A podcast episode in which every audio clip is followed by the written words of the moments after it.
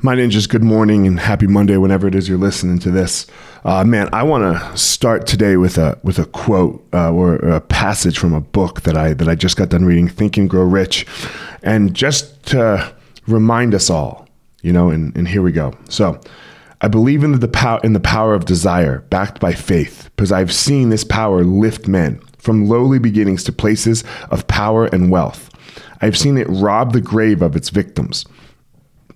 I've seen it serve as the medium by which men staged a comeback after having been defeated in a hundred different ways. I've seen it provide my own son with a normal, happy, successful life, despite nature having sent him into the world without ears. How can one harness and use this power of desire? This has been answered through this and the subsequent chapters of this book. This message is going out to the world at the end of the longest and perhaps the most devastating depression America has ever seen. It is reasonable to presume that the message may come to the attention of many who have been wounded by depression, those who have lost their fortune, others who have lost their positions, and a great no- in great numbers who must reorganize their plans and stage a comeback. To all these, I wish to convey that the thought that all achievement, no matter what may be its nature or its purpose, must begin with an intense, burning desire for something definite.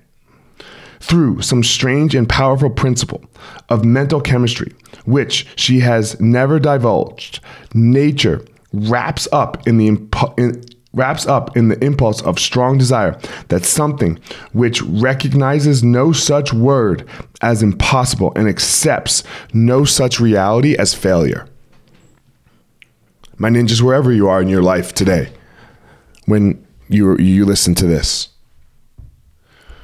if you want more, it starts right there.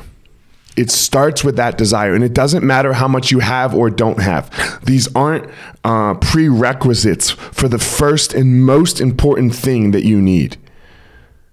It's the desire for change. It's the desire to be more skillful and better and whatever else it is that you want in your life. And no one can tell you no. No one can stop you on that. That's for you and for you alone. That's the prerequisite. Go out in the world today. Start today. Start literally the second that this recording stops and desire more. Discover your passion, find your power, and go give your purpose to the world.